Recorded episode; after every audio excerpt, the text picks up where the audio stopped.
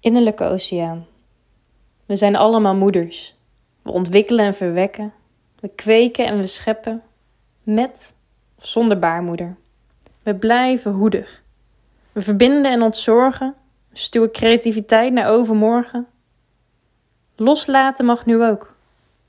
Van het eindeloze bestaan. Vergaan. Van het hadden, moeten, kunnen, willen. Waar plaats wordt gemaakt. Voor de geboorte van het nieuwe naakt. Diep in jouw innerlijke kamer schuilt een oceaan aan scheppingskracht. Maar ik droeg een zware ketting om mijn hals. Van goed, doffe parels.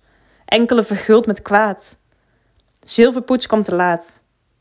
Mijn ketting raakte verstikt in onuitgesproken woorden. Meegesleurd in de stroom, de mond sprak van genade. Ongeremd bleven delen. Ongetemd leven.